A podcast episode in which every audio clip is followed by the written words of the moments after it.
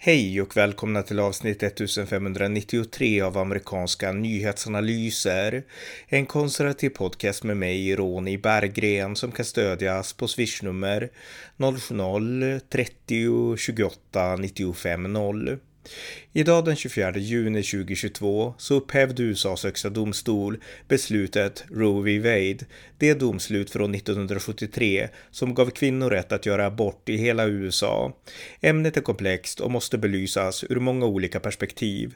Här är ett samtal med min svensk-amerikanske kollega Björn Nordström om ämnet och dagens historiska besked. Varmt välkomna! Björn Nordström, välkommen! Tack så mycket! Dagens datum är den 24 juni 2022 och här i Sverige så är det midsommar, midsommarafton. Men i USA så är det en historisk dag av en annan anledning och det är att Högsta domstolen har nu avskaffat Roe v. Wade, det här äh, 50-åriga beslutet som ger rätt till abort över hela USA. Men det är nu avskaffat. Kan du berätta lite om den här dagen i USA?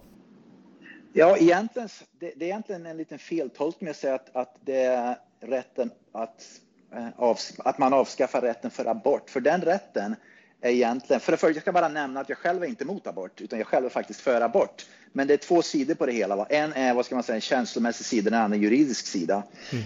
Om man tittar på konstitutionen som den fungerar, va? rättigheten till abort, det finns ingenting i konstitutionen som ger en rättighet till abort. Det närmaste man kan komma det är väl 14 tillägget som pratar om, om, om lite grann om, om i princip mänskliga rättigheter, framförallt privacy.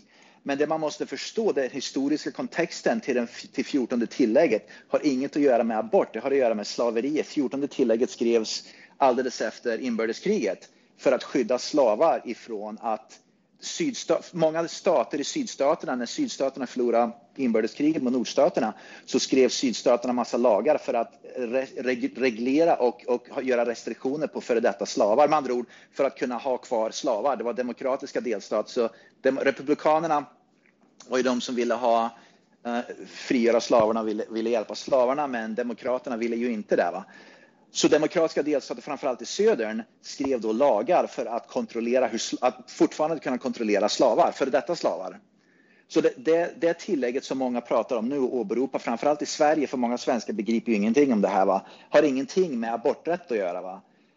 Utan det här handlar om istället delstaternas rättigheter, det tionde tillägget. Mm. Så om man faktiskt läser konstitutionen och man verkligen granskar det här och tittar historiskt sett hur det här fungerar. Va? När Roe vs Wade och även då Casey vs Parent, äh, Planned Parenthood, två, två stycken då stora domslut som kom ut av HD för var det 50 år sedan, typ 30 år sedan, eh, det var två olika domslut då, som, som gav aborträtten då.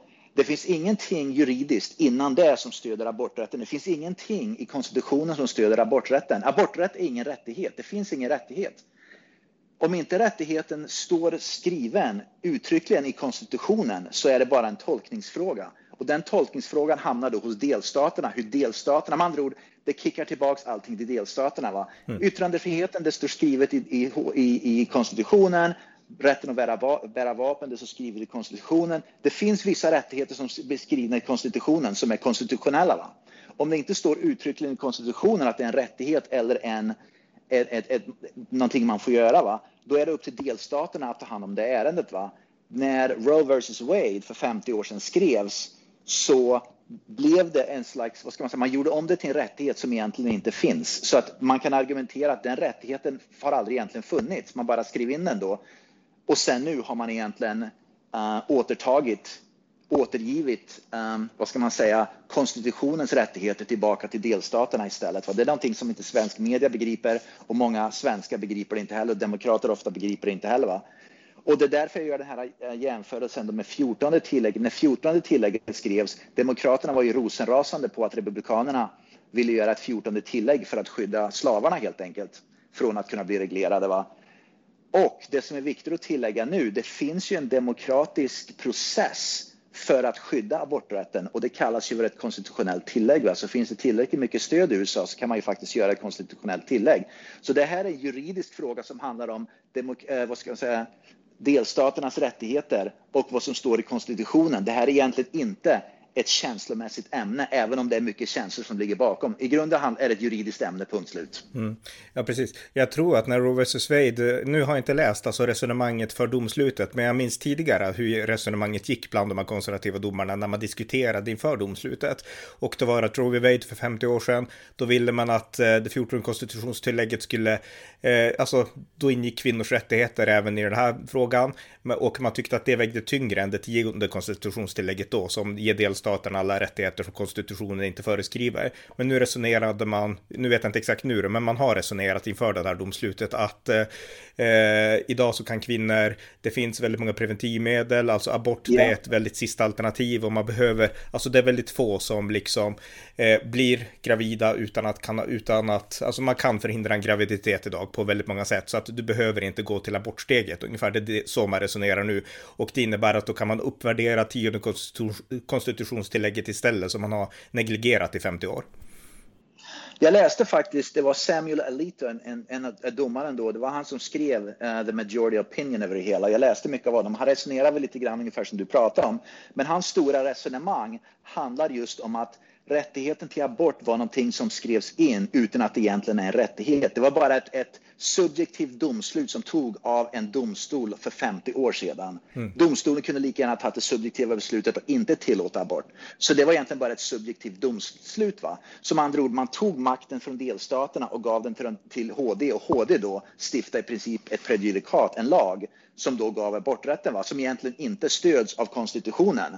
Och nu återgår man istället, och många hävdar då att det var ett felaktigt domslut, så nu återgår man helt enkelt till det som, som oavsett om kvinnornas rättigheter. För när HD, när HD tittar på ett fall ska de inte bara titta på hur man tolkar konstitutionen, de ska också titta på, vilket de naturligtvis ofta gör, eller de gör alltid det, man ska också titta på kontexten av, av konstitutionen när det skrevs och varför det skrevs. Och det fjortonde tillägget, kontexten för det fjortonde tillägget har, skrevs aldrig överhuvudtaget med abortfrågan i tankarna utan det skrevs enbart med eh, slaveriet i tankarna. Va? Så, så om man egentligen ska gå efter hur HD ska egentligen agera så ska egentligen HD titta på att konstitutionen och fjortonde tillägget handlar egentligen bara om slaveriet, inte om om abort, utan abortfrågan var någonting som HD för 50 år sedan tryckte in i det 14 tillägget utan överhuvudtaget kunna göra det, därför att de det har inget med varandra att göra. Va? Nej, nej, nej alltså det, det ligger mycket i det resonemanget också. Jag är helt inne på hans, liksom, hans sätt att tolka konstitutionen. Det, det är helt i min linje också.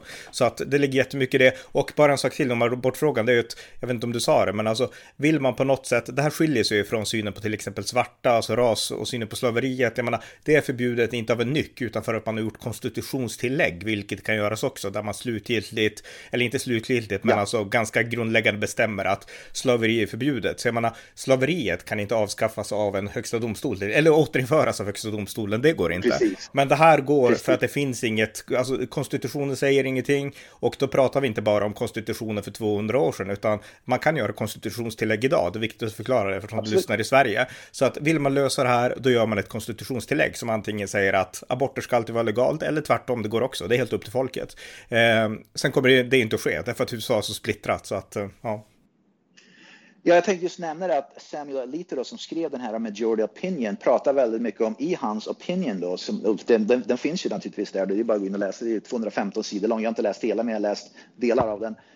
Um, och hans resonemang var just det att lösningen på sånt här är inte HD utan lösningen är att varje delstat, väljarna i varje delstat röstar fram representanter i sina delstater. Och de representanterna sen i delstaterna, kongressen och senaten i delstaterna, inte i Washington DC på federal nivå utan i delstaterna, representera folket och sen gör ett majoritetsbeslut och stifta lagar baserat på hur folket har röstat fram att mm. de vill se att abort ska gå till. Va? Och det är så precis som USAs demokrati ska fungera. Om det inte står skrivet i konstitutionen ska det bollas över till delstaterna. Och det gör ju det att, att, att vissa delstater kommer att ha förbjuda abort helt och vissa delstater kommer att ha uh, aborträtt där de i princip kan, kan mörda ett foster när, när barnet är nyfött. Mm. Det, det är bokstavligen så ut och kommer det så. Och vi ser ju sånt där i många andra frågor med. Det är precis så. Vissa delstater har ju väldigt hårda uh, regler vad, vad gäller uh, vapen, vapenlagar, hårda vapenlagar. Vissa har väldigt slappa vapenlagar, även om vapenlagarna specifikt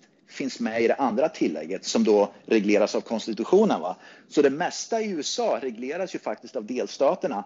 Abort, vilket då eh, eh, Samuel Alito i princip, eh, han, han, indikerar ganska kraftigt det han skriver. Va? Abort blev av någon anledning helt plötsligt en federal grej när det egentligen inte tillhör varje delstat. Precis som många andra ämnen. Det spelar ingen roll om vi pratar om skatter, eller inte federala skatter, om vi pratar om delstatsskatter, om vi pratar om utbildning. Utbildning i USA, det är delstatsgrej. Om vi pratar om vapenlagar, om vi pratar om Finns det inte skrivet i konstitutionen ska det bollas tillbaka till delstater. Så enkelt är det. Va? 14 tillägget som många, jag har läst vissa svenskar tar upp det omedelbart 14 tillägget. Va? Det finns ingen det finns ingenting i 14 tillägget som pratar om abort. Det enda man kan komma att det står om privacy ungefär och kvinnors rättigheter. Va? Men återigen, det prat, det, när man tittar på, när, när man, och jag nämnde det tidigare nyss också, då, men när, man, när, när HD-domarna tittar på hur de ska tolka konstitutionen så tittar man också på kontexten hur det skrevs. Vilken, vilken kontext skrevs det inom? Mm. Då skrevs det inom slaveriet och då är det det man ska tolka det som. Inte börja trycka in andra saker som har kommit upp efteråt, utan kommer andra saker upp efteråt, då får man göra antingen delstatslagar eller en, ett nytt konstitutionstillägg för att ta upp den specifika saken som är aktuell idag. Mm. Och jag tycker att det här är intressant därför att alltså, svenskar måste förstå att USA är en union av delstater. Det är så konstitutionen Precis. är skriven. Och delstaterna har i grund och botten otroligt mycket frihet att forma sina egna lagar. Sen finns det vissa grundgrejer som konstitutionen ändå liksom har övergripande, men delstaterna är fria på ett helt annat sätt och det fattar man inte i Sverige. Och USA har ju under årtionden och århundraden utvecklats också på ett sätt så att man, man liksom utifrån kan tro att USA är som Sverige, alltså att det är ett enhetligt land och sådär. Men jag menar, det är ju inte det. Det vet ju du bättre än mig såklart som bor där och har bott i olika delstater. Jag menar, USA är inte enhetligt på det sätt som Sverige är till exempel. Tittar man på till exempel olika delstater, va? det finns ju då jag bodde i Vermont förut. Vermont är rankat som ett av de fem, sex minst fria delstaterna. Nu bor jag i Arizona. Arizona rankades som en av de fem, sex mest fria delstaterna. Va? Och det har att göra med regleringar, med lagar, med regler och allting. Och man märker verkligen när man bor. Jag märker, och det är svårt, det vet ju du med, va? man liksom kan inte säga vad är det som gör att Arizona är mer det, det, är mindre, man, man, det, är en känsla, det är mindre regleringar, man har mer friheter. Va? Men att bo i Arizona, det är, en, det är en mer känsla av frihet. Man får en mer frihetskänsla, man vet att det är mer frihet i Arizona än Vermont. Det är bara känslan man får. Staten, delstaten är mindre inblandad i mitt liv i Arizona än det var i Vermont. Och, och det, liksom är, det är liksom bara något man, man, man lever med. Men svenskar tror jag inte riktigt begriper sånt där. För att Värmland och, och Närke ungefär, det är ungefär samma sak. Det är liksom ingen större skillnad i friheter där. Va? Men mellan Vermont och Arizona är det en ganska stor skillnad. Jag tänkte bara läsa här en sak som Samuel Alito skriver som är väldigt intressant. Och det, det, det här är rent juridiskt. Va? Det handlar inte han nämner det, Elito, också att det här är en moralisk fråga. Men det är inte en moralisk fråga som HD ska ta ställning till. Det är väljarna i delstaterna som ska ta ställning till den moraliska frågan och rösta fram representanterna som då stiftar lagar baserat på hur väljarna står i den moraliska frågan. Så Samuel Lito skriver så här. The Constitution does not, det är väldigt kort, the Constitution does not prohibit the citizens of each state from regulating or prohibiting abortion. Roe versus Wade and Casey versus uh, Planned Parenthood arrogated that authority. Med andra ord, uh, tog över den. Liksom då. Mm. We, now, we now overrule those decisions. Med andra ord, det han säger att det finns ingenting i konstitutionen som säger att man får eller inte får göra abort. HD-besluten tidigare, Roe versus Wade och Casey versus Planned Parenthood, tog beslut som ligger utanför konstitutionens framework. Mm. Och de, det har nu, vad ska man säga, HD då för, förflyttat tillbaka dit det tillhör, till delstaterna. Och han har också pratat om historiskt sett hur USA har varit angående abort elit. Och man, det finns mycket man kan läsa om det här för att allt det här finns i skrift nu då. Och han pratar just om att abort har alltid varit förbjudet i USA. Det fanns någonting som heter common law tidigare och så vidare och så vidare. Att, att abort var någonting som var väldigt förbjudet i USA ända fram till Roe versus Wade. Och då pang så skedde någonting väldigt drastiskt väldigt fort. Mm. Och det är någonting som normalt HD inte gör. HD gör väldigt sällan drastiska snabba saker. Utan det är någonting som växer fram under årtionden kanske. Men det här var väldigt ovanligt att det gick så fort och det var väldigt drastiskt väldigt snabbt. Och det är någonting som man också påpekat historiskt sett så finns det ingenting som stödde att det här beslutet togs för 50 år sedan. Det bara liksom pang, pang togs och sen så liksom det chockade en hel nation ungefär. Ungefär som att en halv nation är chockad nu. Då chockade Roe vs Wade beslutet en hel nation då. Det var, det var liksom ingenting som, som gav det stödet historiskt. Nej, nej, jättebra. Så jag håller helt med lite och det var väldigt bra läst av dig. För att det här är någonting, alltså jag är en fan av USAs konstitution. Det är världens bästa grundlag och den är fantastisk. Thomas Jefferson är min idol. Han skrev inte konstitutionen, men han var ändå med, speciellt i Bill of Rights och sådär. Så att jag är en stor fan av USAs konstitution och hur det amerikanska systemet är uppbyggt. Och de som kan, de som är fans i USA av konstitutionen, det är republikanerna, det är de konservativa som Sam Alito. Medan liberalerna, demokraterna, de tror på det de traditionellt kallar en levande konstitution och det innebär att de tror egentligen inte på konstitutionen utan de tror på att man ska liksom göra det man känner för här och nu och sen måste man ändå hitta på några konstitutionella argument. Men i grund och botten så handlar det inte om de här resonemangen, historien 1776 och liksom 1789 och framåt, utan det handlar liksom i grund och botten så handlar det om vad är bäst här och nu? Ska vi förbjuda vapen för att det skjuts mycket? Ja, men det är klart vi ska det. Ska vi liksom tillåta bort det? Ja, men det är klart vi måste göra det. Det är liksom liberalernas sätt att på något sätt resonera utifrån konstitutionen det, det utgår inte från konstitutionen, utan man smetar bara konstitutionen på sina egna argument. Jag menar, jag såg Kamala Harris och Joe Biden, de säger att det här bryter mot konstitutionen, var de ute och skrev och sa. Nej, exakt, för hela poängen är att det gör inte det, helt uppenbart om du läser texterna, och den som avgör om det bryter mot konstitutionen eller inte, det är inte presidenten eller vicepresidenten, utan det är högsta domstolen. Det är liksom den högsta auktoriteten. Så att det är de som avgör vad konstitutionen säger, det är inte presidenten. Precis. Och vi tittar också på ett oerhört hyckleri inom det demokratiska partiet. Va? När Donald Trump var president och han ville göra någonting då genom en executive action till exempel, då, med andra ord att då omedelbart så började Demokraterna gapa om att det delstaterna har massa rättigheter och han vill nu stoppa demokratin och han är ett hot mot demokratin därför att han vill ta delstaternas rättighet och ta över det till federala myndigheterna. Va? Nu helt plötsligt när HD har gett en massiv makt till delstaterna, då vill samma demokrater ta den makten från delstaterna och ge den till federala myndigheterna istället. Så antingen så, ska, så, antingen så för mig är det som att är det delstaterna ska ha, som ska ha makten när inte konstitutionen säger någonting eller inte? Va? Demokraterna är det, om det passar demokraterna ska delstaterna ha makten, om det passar demokraterna ska federala myndigheterna ha makten. Enligt min mening så är det oväsentligt. Om det inte står skrivet i konstitutionen, då är det upp till varje delstat. Det är det som är poängen med konstitutionen och det är det som är poängen med, med republiken USA. Att, de, att konstitutionen är extremt begränsad och ger extremt begränsad makt till federala myndigheterna. För hela poängen med konstitutionen är att ge makten till delstaterna så varje delstat kan agera baserat på värderingarna och kulturen och så vidare befolkningen inom den delstaten. Va? Men mm. Demokraterna vill ha både och.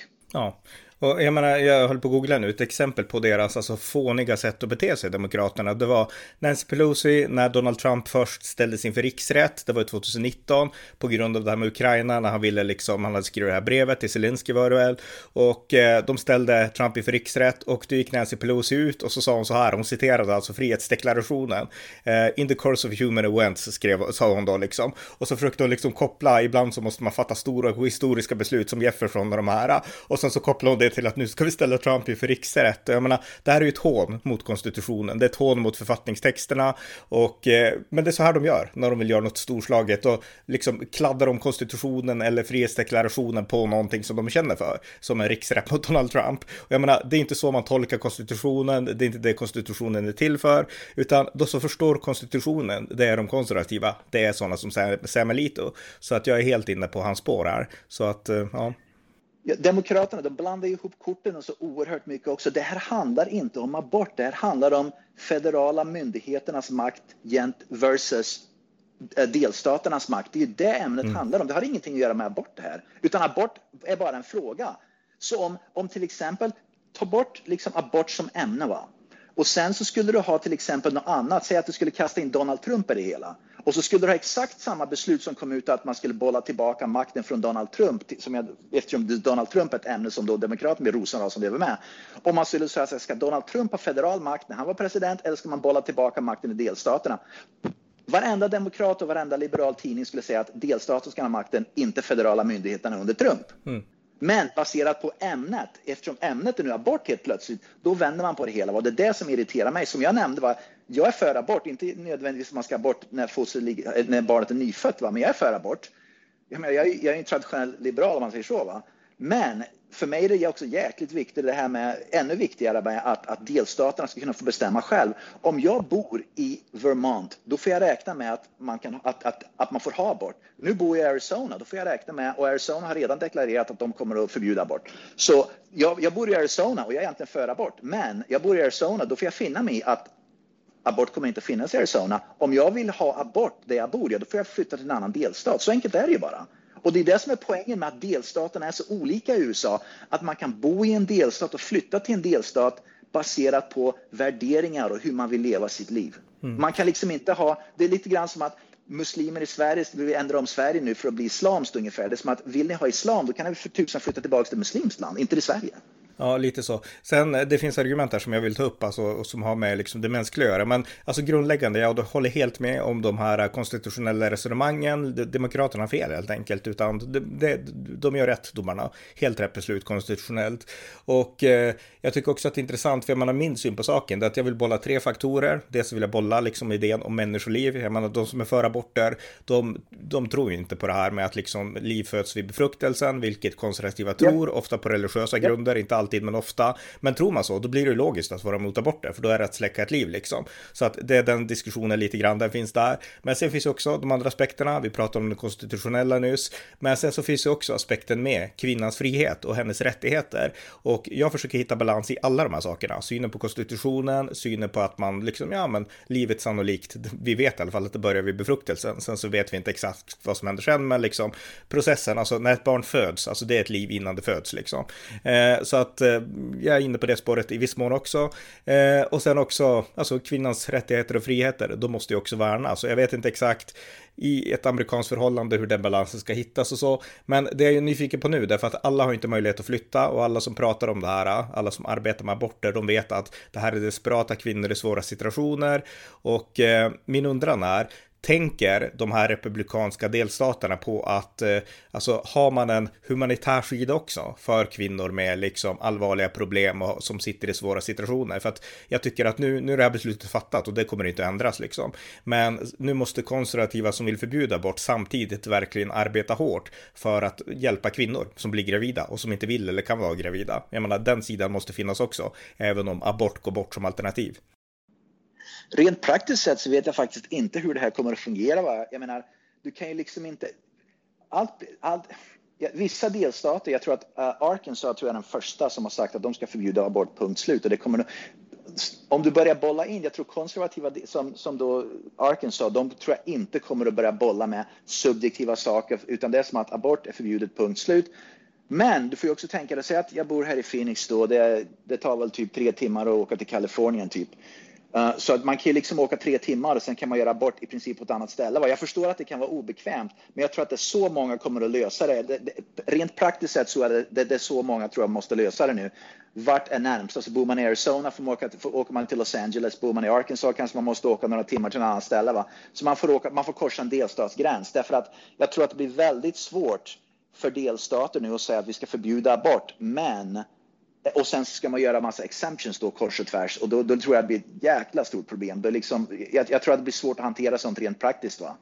Utan jag tror att det enklaste praktiska då för människor, då för kvinnor som vill göra en abort, istället för att då man har ju bara liksom en viss tid på sig va? för att jag menar, så småningom föds ju barnet. Va? Så att gå igenom en domstolsprocess och säga att jag har en exemption. Jag, jag, blev, jag vill inte ha barnet av anledning A, B och C. Va? Och sen så ska man då hamna i domstol och domstolsbeslutet kanske ligger sex månader fram i tiden. Va? Då har man kanske redan hunnit föda barnet. Va? Utan jag tror att många kvinnor nu tvingas åka över delstatsgränsen till en annan delstat och göra aborten om det nu är så att de vill göra en abort akut. Det är så det kommer att sluta tror jag. Mm. Men frågan är, för att jag menar det är ju 13 delstater tror jag som har de här triggerlagarna, alltså de har, redan, de har bara väntat på att Roe Wade skulle försvinna ja. och sen så inför de blick, blixtsnabbt alltså abortförbud. Ja. Och det är oftast delstater... Ja, de, de, de förbuden finns redan nu. Ja, precis i södern. Jag menar Arizona kanske är en sån ja. delstat, jag vet inte. Men, men eh, det här innebär att eh, ja, människor kan hamna i stora kniper och eh, alltså, i slutändan så blir det också så att de mest utsatta kvinnorna kommer att hamna i svåra situationer. Och det här, jag är inte alls för det här, utan jag tycker att det är ändå kvinnan som på något sätt, alltså jag är emot aborter, men det är ändå kvinnans beslut över hennes kropp, för att det är hon som bär barnet liksom, det är ändå så. Eh, och sådär. Men, men eh, Däremot så, ja, alltså på något sätt den aspekten. Nu måste man börja arbeta med den aspekten utifrån andra premisser än man har gjort tidigare. Så är det Problemet som finns ju också där, det här blir ju, höll jag på att säga, att, att en, en klassisk vad ska man säga, klass eller resursfråga. Va? Om du har pengar så är det ganska enkelt att ta sig över till en annan delstat och göra abort. Mm. Men om du är fattig till exempel, och speciellt när bensinpriserna har gått upp, så är det ju svårare att man kanske inte har de medel som krävs för att helt enkelt ta sig till en annan delstat, ta in på hotell och så vidare, spendera de pengarna och göra bort. Utan det kommer ju också bli ett problem. Så det kommer att bli enorma praktiska problem som måste lösas då. Och, och hur de ska lösas, det vet jag faktiskt inte. Och jag, jag, är inte säker på att de lösningarna finns eller har överhuvudtaget diskuterats. Sånt vet jag inte. Men de praktiska problemen finns ju redan idag, för det finns ju kvinnor idag. Så du pratar om de här 13 delstaterna som du har sådana här trigger laws. Och de delstaterna redan idag, det finns ju kvinnor som ska göra abort på måndag. Vad ska de göra då? Som kanske helt plötsligt, vad gör jag nu? Vad, vad ska jag ta vägen? Det blir ett praktiskt problem. Mm. Jag förstår ju till exempel att om man säger att ett, en lösning kan det ju ha varit att säga att okej, okay, vi ska förbjuda abort om tre år. Och det ger oss tre år att skapa system och, och vad det nu är för att kunna lösa de här problemen. Va? Så, så hur de ska lösas för de, trigger, de här trigger laws i de delstaterna, det, det, det vet jag inte. Nej, Nej exakt. Och de som drabbas, ja. blir kvinnorna, de kvinnorna som drabbas, det blir ju ett problem, ett konkret problem, framför allt för fattiga. Ja, och det, det är någonting som bekymrar mig, så att jag är inte alls odelat positiv till det här, även om jag är för liksom konstitutionell, de konstitutionella argumenten. Men eh, eh, vad är det mer jag tänker på här? Eh, ja, sen om man tar de här worst case scenarierna, för jag menar jag vill belysa det här från alla aspekter. Då finns det också rädsla för att nu kommer det att bli straff, alltså en kvinna som gör en abort blir hon straffas som om att hon hade begått ett mord, liksom utfört ett mord. Och jag vet inte hur pass eh, aktuellt eller liksom eh, utbrett brett de eh, förslagen är i de olika delstaterna. Jag vet ju att USA är ett väldigt medkännande land och de konservativa, man försöker inte sätta dit kvinnor, så är det inte. Men risken finns ändå i vissa, mm, ja, kanske delstater, kanske Arkansas och de är absolut mer konservativa i den djupa södern, att, eh, att kvinna blir straffad. Och eh, det tycker jag absolut inte är rätt väg att gå. Så att jag efterlyser verkligen balans här och hur den ska hittas, det, ja, det vet jag inte.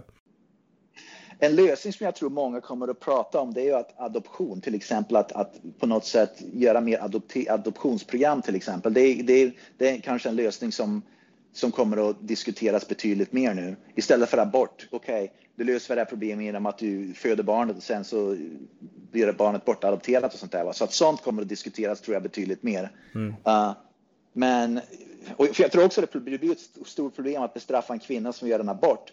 Och sen är frågan det om om kvinnan åker över till en annan delstat och gör en abort i en annan delstat och sen kommer tillbaka till sin hemdelstat igen, det, har de begått ett brott då eller inte?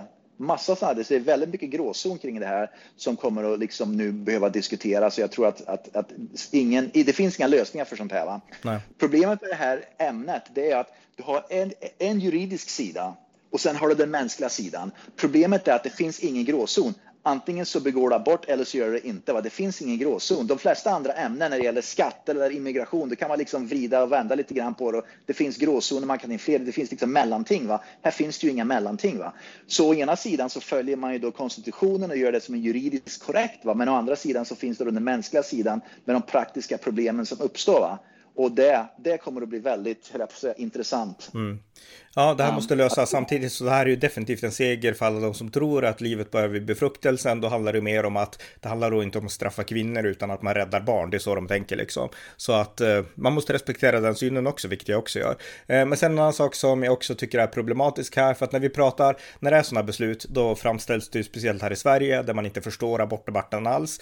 Eh, då blir det så att eh, de konservativa, de framställs som kvinnohatare, väldigt liksom bakåtsträvande och sådär.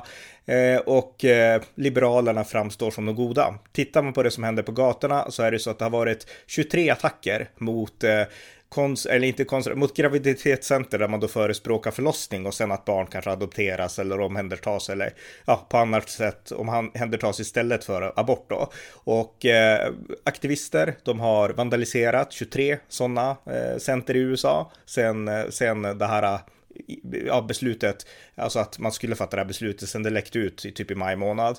Så att där har vi den här intoleranta aktivisten. Nu när HD släppte sitt beslut, då låg det prickskyttar på taken därför att Homeland Security har varnat för hot mot konservativa och liknande efter det här beslutet. Så att det finns en oerhörd liksom hatisk intolerant på intolerans på vänstersidan här.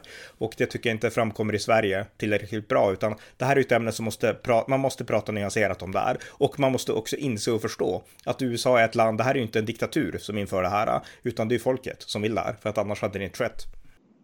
Ja, vi har ju pratat om det förut. Val har ju konsekvenser och valet 2016 eh, som Trump vann, det var ju det som la grunden till det här. Därför att det, mm. det gjorde att Donald Trump vann det valet och han tillsatte då tre stycken konservativa HD-domare. Så att val har konsekvenser. Och det var ju, så man kan ju då säga att år 2016 så lades det här grunden för därför att väljarna då i, ville helt enkelt ha det på det här sättet. Va? Så att man kan ju inte säga att det, det här var ett demokratiskt, ett beslut som har framkommit ur den amerikanska demokratin genom valet, i fria val. Så är det ju bara. Va? Jag tänkte också nämna då att Demokraterna har nu uppmanat till vad de kallar för Summer of Rage, sommar av ilska. Med andra ord, det de egentligen säger att gå ut på gator och torg och vandalisera och bränna ner städer nu därför att nu måste vi hämnas mot, mot, resten, mot liksom resten av USA ungefär. Va? Så du kommer att se väldigt, väldigt mycket våldsamma upplopp och allt sånt där nu. Saker och ting kommer att brinna kors och tvärs. Uh, helt enkelt. Så det, det, det, det kommer nog att följa med. Och svensk media kommer ju aldrig att ta upp sånt det är att det är vänsteraktivisterna som håller på med sånt här, utan de kommer att måla upp det på ett helt annat sätt för att då på något sätt passa ett svenskt narrativ. Då, och kanske, kanske får det framstå som att det är liksom rättfärdigat på grund av det här HD-beslutet, vilket det såklart inte alls är. Så att, eh, ja. Precis, det, påminner, det kommer att påminna väldigt mycket om medierapporteringen kommer att påminna, påminna väldigt mycket om det som skedde för ett par år sedan, för ett par somrar sedan, när Black Lives Matter var ute på gator och torg och brände ner, för då var det de goda som brände ner för att, för att då de ville stoppa fascisterna ungefär. Va? Det var ju så det var i alla fall enligt media. En sak som är värt att nämna som jag tror också är att det här uh, Roe vs Wade och den här Casey vs Planned Parenthood var ju då så kallade prejudikat uh, precedents med andra ord. Det domstolsbeslutet som har, som har funnits väldigt länge som är ganska hårt liksom till, som är då, vad ska man säga, ganska hårda, vad ska man säga, eh, hårt fastsvetsade om man säger så. Va? Men, och då brukar man ju säga att i USA i alla fall att man, man rör inte de där presidents. Men går man tillbaka i historien och tittar, jag kollar upp det där, så sen 1810 så har ungefär 230 presidents över liksom 230 stycken prejudikat som då är, har varit liksom hård, i princip nästan skrivna i sten va, av, av en tidigare HD, HD eh, har luckrats upp och kastats bort och ett nytt beslut har tagit. Va? Så i genomsnitt så är ett, drygt ett beslut per år som HD tar har gjorts sedan 1810 där man kastar bort ett tidigare så kallat prejudikat eller precedence. Så mm. det här är inte onormalt att man gör utan man gör det här ett till två gånger per år. Så att det är liksom rent juridiskt sett så är det inte ovanligt att sånt här sker. Nej.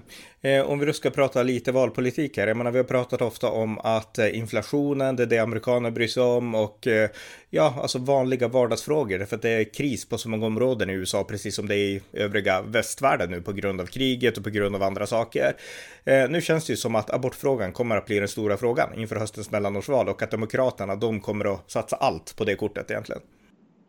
Ja, det kommer att, enligt Demokraterna så kommer det här bli, för att de vill inte ha, det finns ju ingen annan fråga som Demokraterna kan dra upp nu som kommer att gynna Demokraterna. Va? Men å andra sidan måste man tänka sig för annat än de vad ska, mest extrema aktivisterna och människorna, med andra och rika eliten som har tillräckligt mycket pengar där, där inflationen och bensinpriserna och så vidare, och så vidare inte påverkar. Du kan vara för abort.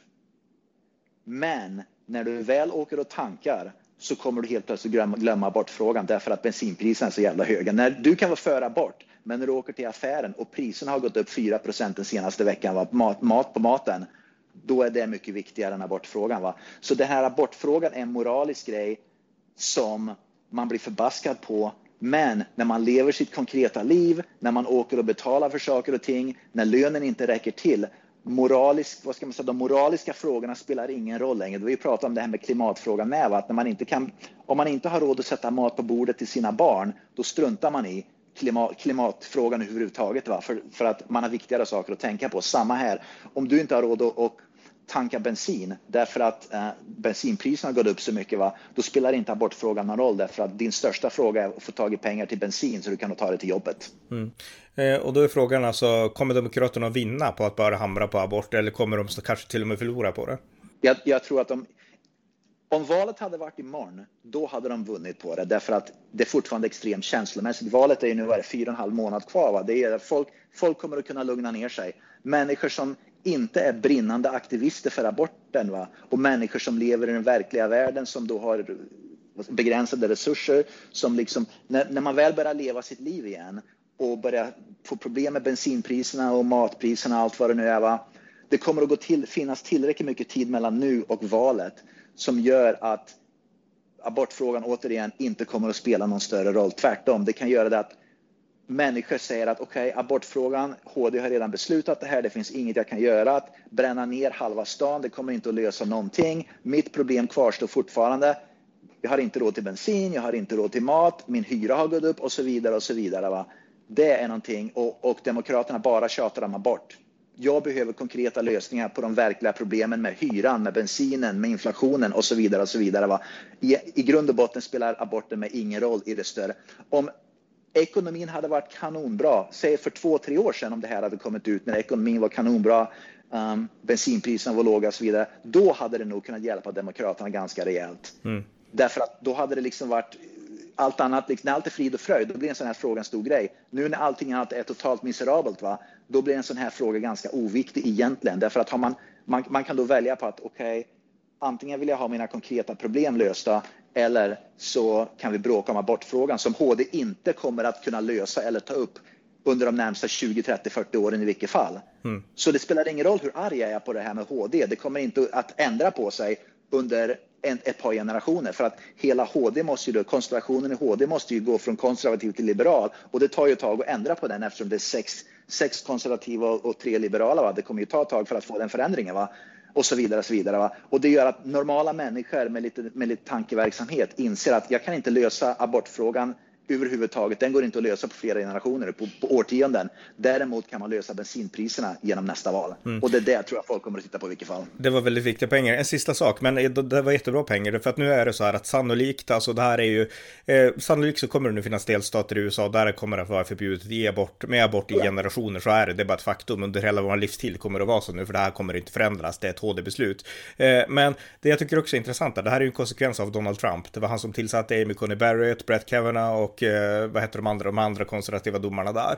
Och, eh, Gorsuch. Ja, ja, exakt, precis, Neil Gorsuch. Och eh, ja. så att det här är ju helt en, det här är ju ett verk tack vare Donald Trump och det bör inte förvåna någon därför att när republikaner kampanjar så kampanjar man ofta på att man ska tillsätta konservativa domare och de som förespråkar konservativa domare mest av alla, det är just de som brinner för abortfrågan. Så att ingen kan förvånas över det här. Jag är inte förvånad alls, utan det här är ju liksom en del av det konservativa paketet i den amerikanska konservativa synen. Eh, så att eh, det är viktigt att förstå det också, så det bör inte komma som en överraskning där för någon egentligen, utan konservativa domare har den här synen.